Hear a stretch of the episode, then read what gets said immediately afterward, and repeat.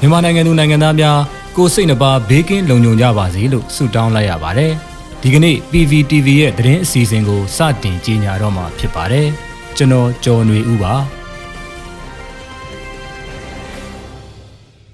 အခုပထမဆုံးအနေနဲ့အမျိုးသားညီညွတ်ရေးအစိုးရအဖွဲ့ပုံမှန်အစည်းအဝေး18မြင်းဆောင်2021ကျင်းပခဲ့တဲ့သတင်းကိုတင်ဆက်ပေးမှာဖြစ်ပါတယ်။ အမျိုးသားညီညွတ်ရေးအစိုးရအဖွဲ့ပုံမှန်အစည်းအဝေး18မြင်းဆောင်2021ကိုဒီနေ့ဩဂုတ်လ10ရက်နေ့နနက်10:00နာရီအချိန်မှာကျင်းပခဲ့ပြီးယာယီသမရဒူဝါလရှိလပြည်ထောင်စုဝန်ကြီးချုပ်မန်းဝင်းခိုင်တန်းတဲ့ဝန်ကြီးများဒုဝန်ကြီးများတက်ရောက်ခဲ့ကြပါတယ်။အစည်းအဝေးမှာယာယီသမရနဲ့ပြည်ထောင်စုဝန်ကြီးချုပ်တို့ကအမှားစကားအသီးသီးပြောကြားကြရာယာယီသမရကြီးကအမျိုးသားညီညွတ်ရေးအစိုးရအနေနဲ့ပြည်သူလူထုကယုံကြည်စိတ်ချစွာတာဝန်အနှင်းထားခြင်းခံရသူတွေပြီးပြီးဘယ်လိုပင်အခက်အခဲရှိစေကမူ ပြည်သူတွေလိုလားတောင့်တတဲ့စစ်အာဏာရှင်စနစ်အမြင့်ပြတ်ချေမှုန်းရေး Federal Democracy စနစ်တည်ဆောက်ရေးတရားမျှတရေးငြိမ်းချမ်းသာယာဝါပြောရေးတို့ကိုမျက်ခြေမပြတ်သတိဝရိယကြီးစွာအကောင့်ထဲပေါ်ဖို့လိုအပ်ကြောင်းအစိုးရအဖွဲ့အနေနဲ့မကြခင်ပုံမခက်ခဲတဲ့လုပ်ငန်းတွေကိုလှုပ်ဆောင်ကြရတော့မှာဖြစ်တာကြောင့်ကြိုတင်တွက်ဆကာစီမံချက်တွေချထားရန်လူကြောင်းတို့ကိုပြောကြားခဲ့ပြီးပြည်ထောင်စုဝန်ကြီးချုပ်က33နှစ်မြောက်ရှစ်လေးလုံးအရေးတော်ပုံကြီးရဲ့အမှတ်တရနေ့အခမ်းအနားတွေကို နိုင်ငံတကာမှာခန်းခန်းနားနားစီစီကာကာကျင်းပနိုင်ဖို့ရန်စီစဉ်ဆောင်ရွက်ခဲ့ကြတဲ့ပြည်ပရောက်မြန်မာတွေနဲ့နိုင်ငံတကာကမိတ်ဆွေတွေကိုကျေးဇူးတင်ကြောင်းပြည်တွင်းမှာလည်းအခက်အခဲအဖမ်းအဆီးတွေကြားတဲ့ကပင်ကမ်ပိန်းအမျိုးမျိုးဆင်နွှဲခဲ့ကြဆင်နွှဲနေကြတဲ့ပြည်သူတွေကိုကျေးဇူးတင်ကြောင်း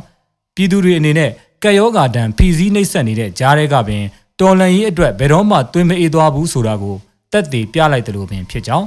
မြမအရေးကိစ္စအတွက်အာဆီယံဆိုင်ရာအထူးကိုယ်စားလှယ်ခန့်အပ်လိုက်တဲ့အတွက်ကြိုဆိုကြောင်း မကြခင်မှာအမျိုးသားညီညွတ်ရေးအစိုးရရဲ့နိုင်ငံခြားရေးဝန်ကြီးဌာနပြည်ထောင်စုဝန်ကြီးနဲ့လည်းတွေ့ဆုံသွားဖို့ရှိတယ်လို့သိရကြောင်း NUG ဘက်ကလည်းပူးပေါင်းဆောင်ရွက်သွားမှာဖြစ်ပြီးအထူးကိုယ်စားလှယ်အနေနဲ့လည်းမြန်မာနိုင်ငံမှာဖြစ်ပေါ်နေတဲ့အခြေအနေတွေကိုကောင်းစွာသုံးသပ်ပြီးဝိုင်းဝန်းအဖြေရှာပေးနိုင်မယ်လို့လည်းမျှော်လင့်ကြောင်းအမျိုးသားညီညွတ်ရေးအစိုးရအနေနဲ့သခိုင်းတိုင်းကဏီမြို့နယ်မှာဖြစ်ပွားခဲ့တဲ့လူမဆန်မှုတွေအတွက်ယခုတစ်ပတ်အတွင်းမှာတန်အမတ်ကြီးဦးကျော်မိုးထွန်းနဲ့လူအခွင့်အရေးဝန်ကြီး တရားရေးဝန်ကြီးတွေဦးဆောင်ပြီးအချက်အလက်များစုဆောင်းကတရားစွဲဆိုနိုင်တဲ့အထိအစီရင်ခံစာထွက်နိုင်ဖို့ကြိုးပမ်းနေကြောင်းလူသားချင်းစာနာထောက်ထားရေးနှင့်ဘေးအန္တရာယ်ဆိုင်ရာစီမံခန့်ခွဲမှုဝန်ကြီးဌာနကလည်းယခုတစ်ပတ်အတွင်းပြည်သူတွေလှူဒန်းလာတဲ့ငွေကြေးတွေကိုတဘာဝဘေးဒဏ်ခံစားနေကြရတဲ့ကရင်ပြည်နယ်မွန်ပြည်နယ်နဲ့ပဲခူးတိုင်းအတွင်းကိုလှူဒန်းမှုများပြုလုပ်ခဲ့ကြောင်းတို့ကိုပြောကြားခဲ့ပါတယ်။ဆက်လက်ပြီးဝန်ကြီးဌာနတွေကတက်ဆိုင်ရာကန်တာအလိုက်ဆွေးနွေးကြရာနိုင်ငံခြားရေးဝန်ကြီးဌာနကအရေးပေါ်ကိစ္စတရက်ပေါ်ပေါက်လာပါက လျင်မြန်စွာသဘောထားထုတ်ပြန်နိုင်ရေးစီစဉ်ဆောင်ရွက်ရန်ကိစ္စစီမံဘဏ္ဍာဝန်ကြီးဌာနကအကြမ်းဖက်စစ်တပ်လက်အောက်ကနေတင်းရှောင်လာသူတွေရဲ့အခက်အခဲစိန်ခေါ်မှုများကိစ္စအပြည်ပြည်ဆိုင်ရာပူးပေါင်းဆောင်ရွက်ရေးဝန်ကြီးဌာနက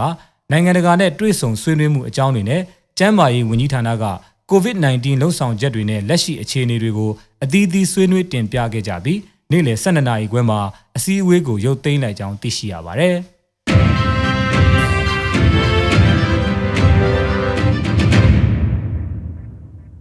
နိုင်ငံရေးအရာအတုံးချခြင်းသာဖြစ်လို့စစ်ကောင်စီရန်ရာကနေနှုတ်ထွက်ဖို့ရခိုင်ပြည်နယ်ဝင်ကြီးတဦးကိုချင်းအရက်ဖက်အဖွဲ့များတိုက်တွန်းလိုက်တဲ့သတင်းကိုဆက်လက်တင်ဆက်ပေးပါမယ်။စစ်အာဏာရှင်တက်ဆိုးရှည်စေမဲ့ရန်ရာကနေနှုတ်ထွက်ဖို့စစ်ကောင်စီခန့်ရခိုင်တိုင်းရင်းသားလူမျိုးရေးရာဝန်ကြီးဦးတင်လှကိုရခိုင်ပြည်နယ်မှာရှိတဲ့ချင်းအရက်ဖက်အဖွဲ့အစည်းတွေကတိုက်တွန်းချက်ထုတ်ပြန်လိုက်ပါတယ်။စစ်ကောင်စီဟာတရားဝင်မှုမရှိဘဲဩဂုတ်လတရက်နေ့မှာအိမ်ဆောင်အစိုးရအဖြစ်ပြောင်းလဲကြေညာခဲ့တဲ့အပြင် ပြည်내နဲ့တိုင်းဒေသကြီးအစိုးရအဖွဲ့တွေကိုဖွဲ့စည်းပြီးရခိုင်ပြည်နယ်ရဲ့တိုင်းရင်းသားလူမျိုးရေးရာဝန်ကြီးအဖြစ်ချင်းလူမျိုးဦးတင်လှကိုခန့်အပ်လိုက်တဲ့အပေါ်အခုလိုထုတ်ပြန်တာဖြစ်ပါတယ်။ဦးတင်လှကိုပြည်내တိုင်းရင်းသားလူမျိုးရေးရာဝန်ကြီးအဖြစ်ခန့်တာဟာလည်းနိုင်ငံရေးအရာအသုံးချခြင်းသာဖြစ်တယ်လို့ထုတ်ပြန်ချက်မှာဖော်ပြထားတာပါ။ဒါအပြင်ဦးတင်လှဟာရခိုင်ပြည်နယ်ကချင်းလူမျိုးတွေရွေးချယ်တင်မြှောက်တဲ့တရားဝင်မှုရှိတဲ့ကိုယ်စားလှယ်မဟုတ်သလိုရခိုင်ပြည်နယ်မှာချင်းလူထုကိုလည်းကိုစားမပြုဘူးလို့ထုတ်ပြန်ထားပါတယ်။ အခုအချိန်ဟာချင်းလူမျိုးတွေအပါအဝင်မြန်မာနိုင်ငံမှာရှိတဲ့လူမျိုးပေါင်းစုံကနေစစ်အာဏာရှင်စနစ်ပြတ်သုံးပြီး Federal Democracy နိုင်ငံပေါ်ပေါက်လာရေးအတွက်အသက်ကိုစတေးပြီးနီလန်းမျိုးစုံတော်လှန်နေကြတာဖြစ်လို့စစ်အာဏာရှင်တက်ဆိုးရှည်စေမဲ့ရန်ရအောက်မှာယာဒုလက်ခံရယူတာမသင့်တော်ဘူးလို့ထုတ်ပြန်ချက်မှာဖော်ပြထားပါတယ်။အာဏာသိမ်းစစ်ကောင်စီရဲ့လှုံ့ဆော်ချက်တွေဟာလူမျိုးစုတွေလိုလားတဲ့ Federal Democracy လမ်းစဉ်နဲ့တွေ့ဖီနေတာဖြစ်လို့စစ်ကောင်စီရဲ့အုပ်ချုပ်မှုရန်ရအောက်မှာ လက်ဝေခံအဖြစ်တာဝန်ထမ်းဆောင်ခြင်းမှာနှုတ်ထွက်ရန်ဥတင်လှကိုတိုက်တွန်းခဲ့တာဖြစ်ပါတယ်။ဒီတိုက်တွန်းချက်တွေကိုမလိုက်နိုင်ရင်ဥတင်လှအနေနဲ့စစ်ကောင်စီရဲ့တရားမဲ့ပြုကျင့်မှုများအတွက်တာဝန်ခံရမှာဖြစ်တယ်လို့လူမှုပြစ်ဒဏ်ပေးတာဖယ်ကျင်ထားတာတွေလုပ်သွားမှာဖြစ်တယ်လို့ဆိုပါတယ်။ဒါအပြင်ရခိုင်ပြည်နယ်မှာရှိတဲ့ချင်းအရက်ဖက်အဖွဲ့တွေလူပုဂ္ဂိုလ်တွေအနေနဲ့စစ်ကောင်စီရဲ့အုပ်ချုပ်မှုရန်တရားအောက်မှာမြည်သည့်နီးနယ်မှာပူးပေါင်းဆောင်ရွက်တာတွေမလုပ်ဖို့လဲရခိုင်ပြည်နယ်ရှိချင်းအရက်ဖက်အဖွဲ့အစည်းကနှိုးဆော်ထားပါတယ်။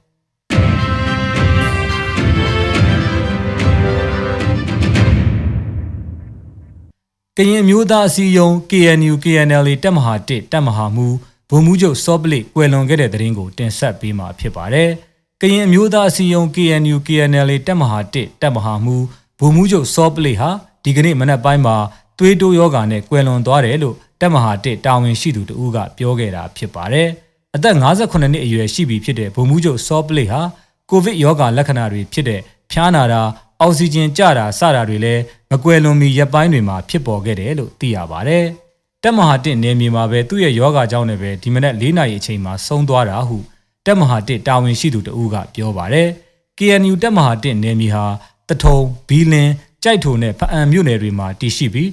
စစ်တပ်အာဏာသိမ်းပြီးနောက်ပိုင်းမှာစစ်ကောင်စီတပ်တွေနဲ့တိုက်ပွဲဖြစ်ပွားခဲ့တာတွေရှိခဲ့ပါတယ်။ဗိုလ်မှူးချုပ်စောပလိဟာတက်မဟာတစ်တက်မဟာမှုအဖြစ်တာဝန်ယူထားတာတစ်နှစ်ကျော်သာရှိသေးတာဖြစ်ပါတယ်။ ဗိုလ်မှူးချုပ်စောပလိမတိုင်ခင်ဇွန်လအတွင်းကလည်း KNU တပ်မဟာ9တပ်မဟာမှုဖြစ်သူဗိုလ်မှူးချုပ်စောကျော်ဖြူကွယ်လွန်ခဲ့တာဖြစ်ပါတယ်။ကရင်တိုင်းသားလက်နက်ကိုင်အဖွဲ့တွေဖြစ်တဲ့ကရင်ငင်းချမ်းရေးကောင်စီ KNU KNL PC စီရေးချုပ်ဗိုလ်ချုပ်စောနေစိုးများနဲ့ဒီမိုကရေစီအကျိုးပြုကရင်တပ်မတော် DKBA စစ်ဦးစီးချုပ်ဗိုလ်ချုပ်စောမူရှေးတို့ဟာလည်းမကြသေးမီကပဲကိုဗစ်ရောဂါကြောင့်ကွယ်လွန်ခဲ့တာဖြစ်ပါတယ်။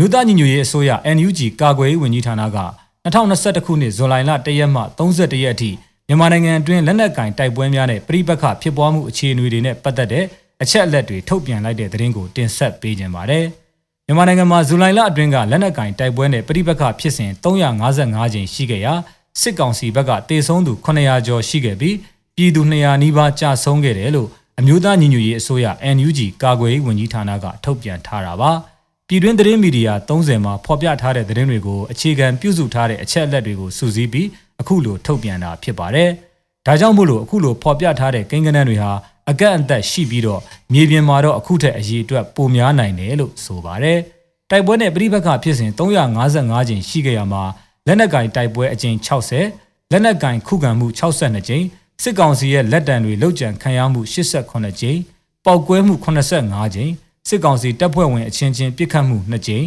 စစ်ကောင်စီကအရက်သားတွေအပေါ်အကြမ်းဖက်မှု69ကြိမ်ဖြစ်တယ်လို့ဖော်ပြထားပါတယ်။ဒီလိုတိုက်ပွဲနဲ့ပြိပက္ခဖြစ်စဉ်တွေမှာနှစ်ဖက်သေဆုံးဒဏ်ရာရမှုရှိခဲ့ပေမဲ့စစ်ကောင်စီဘက်ကပုံမအထိနာခဲ့ပါတယ်။ဇူလိုင်လအတွင်းမှာစစ်ကောင်စီဘက်ကသေဆုံးသူ943ဦးဒဏ်ရာရသူ369ဦးရှိခဲ့ပြီးတော့ပြည်သူ199ဦးကြာဆုံးပြီး48ဦးဒဏ်ရာရရှိခဲ့ပါတယ်။ တိုက်ပွဲနဲ့ပြည်ပခဖြစ်စဉ်တွေဟာသခိုင်းတိုင်းမှာ109ကြိမ်နဲ့အများဆုံးဖြစ်ခဲ့ပြီးတော့ရခိုင်ပြည်နယ်မှာတော့2ကြိမ်နဲ့အနည်းဆုံးဖြစ်ပွားခဲ့တာပါမန္တလေးတိုင်းမှာ44ကြိမ်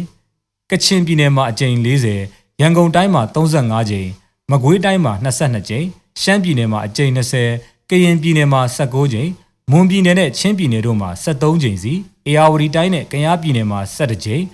ပဲခူးတိုင်းမှာ10ကြိမ်နဲ့တနင်္သာရီတိုင်းမှာ10ကြိမ်ဖြစ်ပွားခဲ့ပါတယ်။ အဲ့ဒီဖြစ်စဉ်တွေထဲမှာစစ်ကောင်စီနဲ့လက်နက်ကင်တိုက်ပွဲဖြစ်ပွားမှုစစ်ကောင်စီကိုလက်နက်ကင်ခုခံမှုအများဆုံးက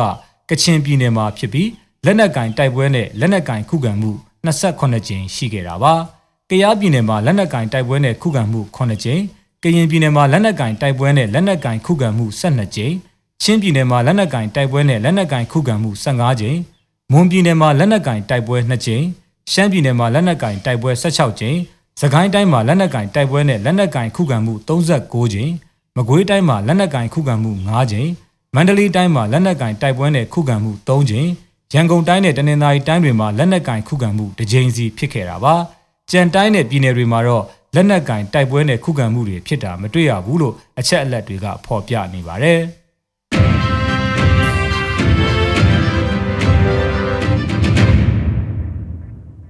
အခုနောက်ဆုံးသတင်းတစ်ပုဒ်အနေနဲ့ လက်နက်အပြည့်စုံဖြင့်စစ်ကောင်စီတပ်သားများထွက်ပြေးလာမယ်ဆိုရင်စုငွေ350ပေးပြီးတွားလူရသို့တွားနိုင်ရန်စီစဉ်ပေးမယ်လို့ CDF မင်းတပ်ကကြေညာထားတဲ့သတင်းကိုတင်ဆက်ပေးမှာဖြစ်ပါတယ်။အကြမ်းဖက်စစ်ကောင်စီတပ်မှတပ်ဖွဲ့ဝင်များအနေနဲ့လက်နက်အပြည့်စုံနဲ့ထွက်ပြေးလာမယ်ဆိုရင်ငွေကျပ်350ချီးမြှင့်မှာဖြစ်တယ်လို့ CDF မင်းတပ်ကယနေ့မှထုတ်ပြန်ကြေညာလိုက်တာကိုတွေ့ရပါတယ်။အကြမ်းဖက်စစ်ကောင်စီလက်အောက်ခံတပ်ကရဲဘော်တွေအနေနဲ့အမြင်မှန်ရပြီး တိုက်ပွဲမစင်ရွဲပဲလက်နက်ချဝင်ရောက်လာတယ်ဆိုရင်စုငွေ350ပေးမဲ့အပြင်တွားလို့ရအရက်ကိုတွားလာနိုင်ရန်အတွက်ကိုလည်းစီမံပေးအောင်မှာဖြစ်တယ်လို့ CDF မင်းတပ်ရဲ့ထုတ်ပြန်ချက်မှာဖော်ပြထားပါတယ်။အာနာရှင်ရဲ့လက်ပါစီဘဝကနေလွတ်မြောက်ခွင့်ရလိုတဲ့ရဲဘော်တွေပြည်သူကိုအမိအဖအဖြစ်အတိအမှတ်ပြုပြီးပြည်သူနဲ့အတူရက်တီလိုတဲ့ရဲဘော်တွေကို CDF မင်းတပ်ကနှွေးထွေးစွာကြိုဆိုလျက်ရှိကြောင်းနဲ့လက်နက်အပြည့်အစုံ full equipment ဖြင့်လာရောက်ရမှာဖြစ်တယ်လို့ဆိုပါတယ်။ အဆိုပါကြေညာချက်ထုတ်ပြန်ပြီးနောက်ပိုင်းဝင်ရောက်လာတဲ့တပ်သားတွေလည်းရှိနေပြီဖြစ်တယ်လို့သိရပါတယ်ခင်ဗျာ။ရေတော်ဘုံအောင်ရမည်ရေတော်ဘုံအောင်ရမည်